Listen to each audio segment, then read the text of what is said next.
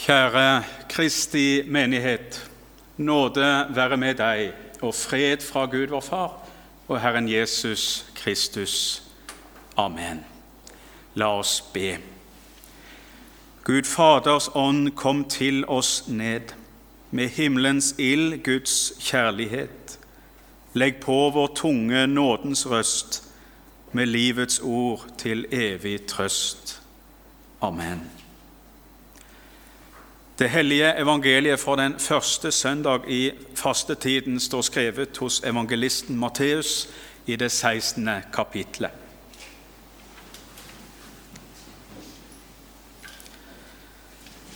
Fra den tiden begynte Jesus å gjøre det klart for disiplene sine at han måtte dra til Jerusalem, og at han skulle lide meget av de eldste og ypperste prestene og de skriftlærde, at han skulle bli slått i hjel, og at han skulle reises opp på den tredje dagen.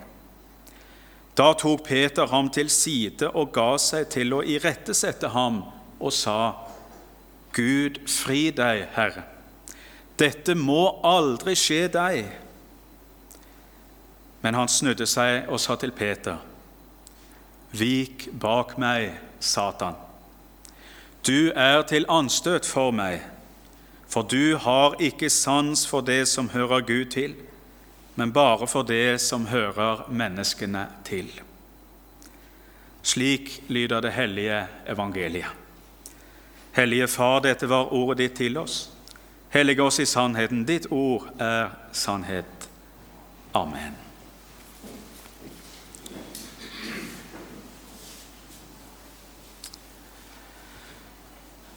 Dette er harde ord. Hvem kan høre på slikt? sier noen disipler et annet sted i evangeliene. De samme ordene kan komme snikende til oss i møte med dagens evangelium. Vik bak meg, Satan, sier Jesus til Peter. Det moderne mennesket i meg protesterer. Hvordan kan du si noe slikt, Jesus? Det sømmer seg ikke. Her prøver Peter tilsynelatende i alle fall bare å være grei og vil skåne Jesus fra døden. Og så får han en skikkelig salve i retur. Vi kan kanskje kjenne oss igjen. Få av oss har vel blitt møtt, blitt møtt med slike ord, men kanskje vi har opplevd å få en uventa skyllebøtte når vi trodde at vi sa noe som var godt og vennlig meint. I dagens evangelium er det langt større ting på spill enn noen vanlig misforståelse. Ja, selve evangeliet og selve frelsen blir satt i spill ved Peters ord 'Dette må aldri skje deg'. Jesus han har nettopp fortalt sine at han vil gi kirka himmelrikets nøkler. Eller han har sagt det til Peter i det som i vår bibel har fått overskriften 'Peters store bekjennelse'. For Peter har nettopp bekjent Jesus som Messias.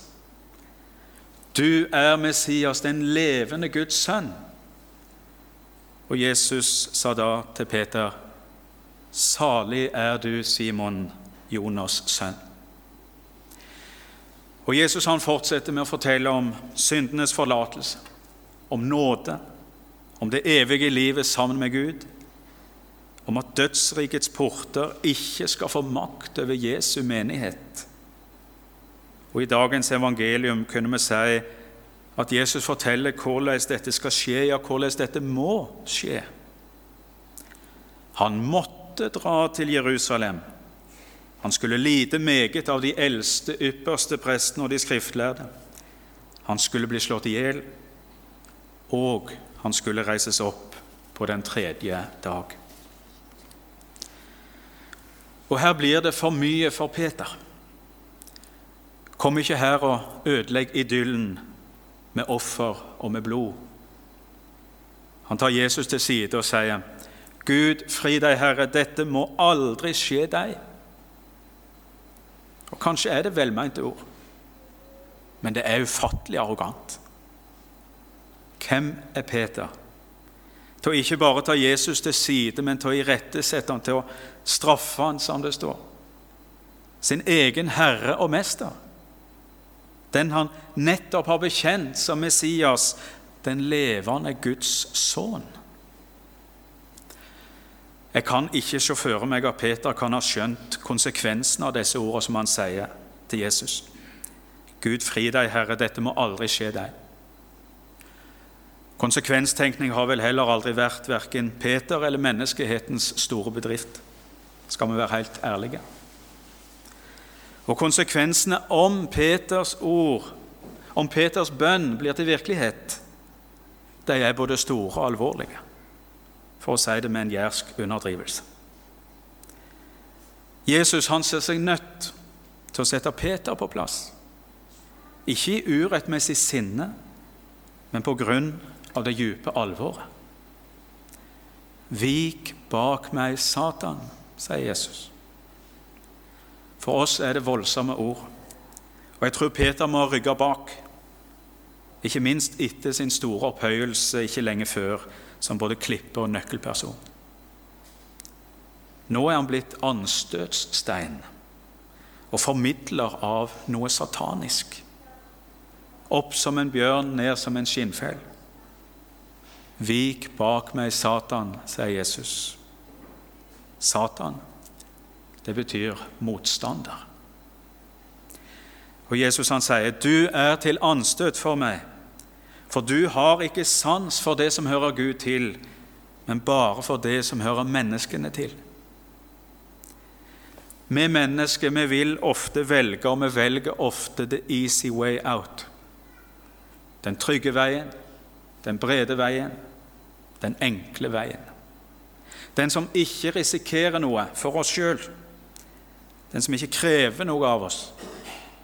Så òg Peter. At Jesus måtte lide og dø, det forsto han nok lite av. Han forventa jo en frelserkonge til hest, og ikke en fredsfyrste på et esel. Han forventa nok seier med makt og herlighet, ikke kors og fornedrelse. Men uten lidelsen og døden ingen oppstandelse. Uten langfredag ingen påskedag. Uten offeret ingen forsoning mellom Gud og menneske. Uten offer ingen kjærlighet. Det var slik det måtte skje. Han måtte dra til Jerusalem. Guds vilje og plan er langt større enn vår. Selv om vi ikke alltid forstår, ja, selv om vi ganske ofte ikke forstår. Den tunge veien opp til Jerusalem som vi følger Jesus på nå i fastetida, den var nødvendig. Han gikk den tunge veien opp til Jerusalem, synger Britt Hallquist og fortsetter i siste vers. Han gjorde det for oss. Han gjorde det for oss. Hadde Jesus lytta til Peter, hadde Gud lytta til Peters bønn, så ville det betydd at Jesus ikke gikk i døden for oss. At Jesus ikke bar syndene våre. At Jesus ikke kunne frelse oss. At Jesus ikke forvandlet død til liv. Og Da ville vi vært helt overgitt til oss sjøl, til synden, til loven, til dommen, til døden. Og vi måtte sjøl møte alt dette helt alene. Og hva skulle vi da gjort? Vi som av naturen er vredens barn. Vi har ingenting å vise til i oss sjøl. Vi er syndere som ikke har noe å stille opp med i møte med den hellige og levende Gud. Vi trenger en frelser, en stedfortreder, en som går foran oss, som stiller seg foran oss, og som vi kan stå bak når vi skal stå for den hellige Gud. En rettferdig som kan gjøre oss rettferdige. Profetene har allerede pekt på denne rettferdige. Hos profeten Jesaja finner vi sangen om Herrens lidende tjener, som vi kjenner godt, og Messias. Han sier bl.a.: Ved at de kjenner ham, skal den rettferdige min tjener rettferdiggjøre de mange og deres misgjerninger skal han bære. Og Paulus skriver til efeserne Gud, som er rik på miskunn, har på grunn av sin store kjærlighet, som Han elsket oss med, gjort oss levende med Kristus, vi som var døde ved våre overtredelser. Av nåde er dere frelst. Han reiste oss opp sammen med ham og satte oss med ham i himmelen. I Kristus Jesus for at han i de kommende tider kunne vise sin nådes overveldende rikdom i godhet mot oss i Kristus Jesus. Disse forløsende ordene kunne ikke Paulus ha skrevet om Jesus hadde hørt på Peter. Men nå kan han det. For Jesus lytta ikke til Peter. Gud lytta ikke til Peters bønn om at dette aldri måtte skje. Og slik sett ligger der et evangelium i ei bønn som ikke blir hørt. Et evangelium i ei bønn som ikke blir hørt. For Jesus bøyde ikke unna for fristelsen. Han går inn i det mørke, han går inn i det vonde og tar på seg alt vårt av synd, av skyld. Og han gjør det offer som må til for at vi skal få reise oss opp og få sitte med Han i himmelen. Frelsen kunne bare vinnes på den måten. Gjennom kors og trengsel, gjennom offer og gjennom død. Jesus måtte ta et oppgjør med Peters og jødenes Messias forventninger. De hadde ikke forstått hans tale fra tidligere, verken om brudgommen som skulle tas fra de, eller om menneskesønnen som skulle være tre dager og tre netter i jordas hjerte, slik profeten Jonah var i storfiskens buk. De hadde fått høre om det tidligere, men nå var det første gang Jesus sa dette like ut med rene ord. Til Peters forferdelse, som igjen fører til Jesu oppgjør med Peter. Han setter Peter på plass. Vik bak meg. Peters plass er bak Jesus, som etterfølger av sin Herre og Mester. Ikke som veiviser eller fører for Han. Jesus er veien. Jesus er Herre. Ved å følge Han fins det håp, vei og frelse, òg for Peter, tross alt. Et håp, en vei, en frelse, òg for oss, tross alt.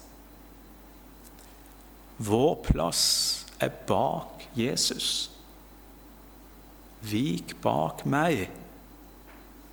Og bak Jesus er det godt å stå når dommen skal leses opp. For Jesu oppgjør med Peter er ikke bare et oppgjør med Peter. Det er òg et oppgjør med noe som ligger dypt i menneskene. At korset er et anstøt. Korset er et anstøt for denne verden, en dårskap, som Paulus kaller det. Vi husker Pauli ord i det første Korinterbrev. Ordet om korset er vel en dårskap for dem som går fortapt. Men for oss som blir frelst, er det en Guds kraft. For uten korset fins det ingen frelse, som nevnt innledningsvis. I dagens evangelium kan vi si at Jesus forteller hvordan frelsen skal og kan skje, ja, hvordan dette må skje. Han måtte dra opp til Jerusalem. Han skulle lide meget av de eldste, ypperste prestene og de skriftlærde. Han skulle bli slått i hjel, og han skulle reises opp på den tredje dag. Derfor skriver Paulus kjente ord for jeg ville ikke vite av noe blant dere annet enn Jesus Kristus og ham korsfestet. Og videre for at deres tro ikke skulle være grunnet på menneskelig visdom, men på Guds kraft. Og til det må vi si takk og lov. Det er ikke oss sjøl og vår såkalte visdom. Det er ikke Peters kloke tanker, men Guds kraft det kommer an på på Guds visdom som langt overgår vår forstand. Og vi har fått det alt sammen i Jesus Kristus. Når Jesus setter Peter på plass, 'Vik bak meg', så setter han òg oss på vår rette plass. Vi hører til bak Jesus, bak hyrden, bak han som sier 'følg meg'. Og der er det godt å være. Å få stå bak han når loven vil dømme oss og slå oss i hjel, når synden prøver å få tak på og overmanne oss, når djevelen prøver å ta håpet fra oss. Da er det ingen plass som er så trygg som bak Frelseren.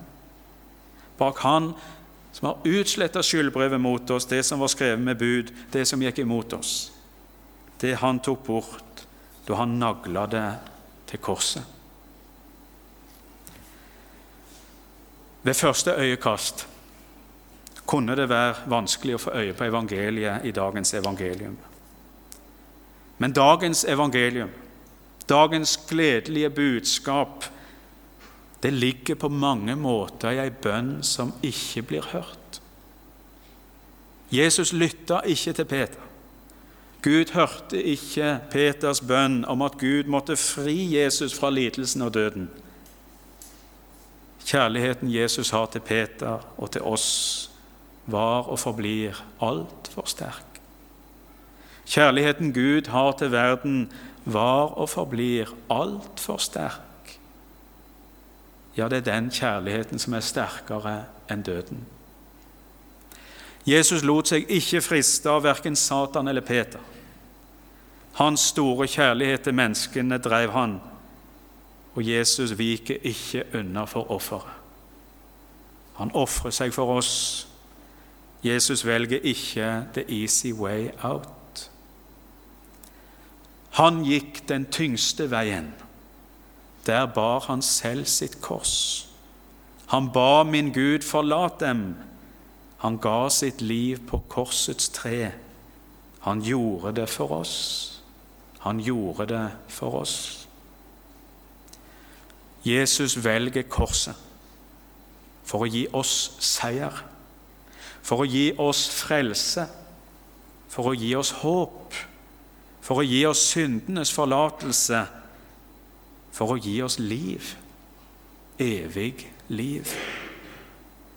For så elsket Gud verden, at han ga sin sønn den enbårne for at hver den som tror på ham, ikke skal gå fortapt, men ha evig liv.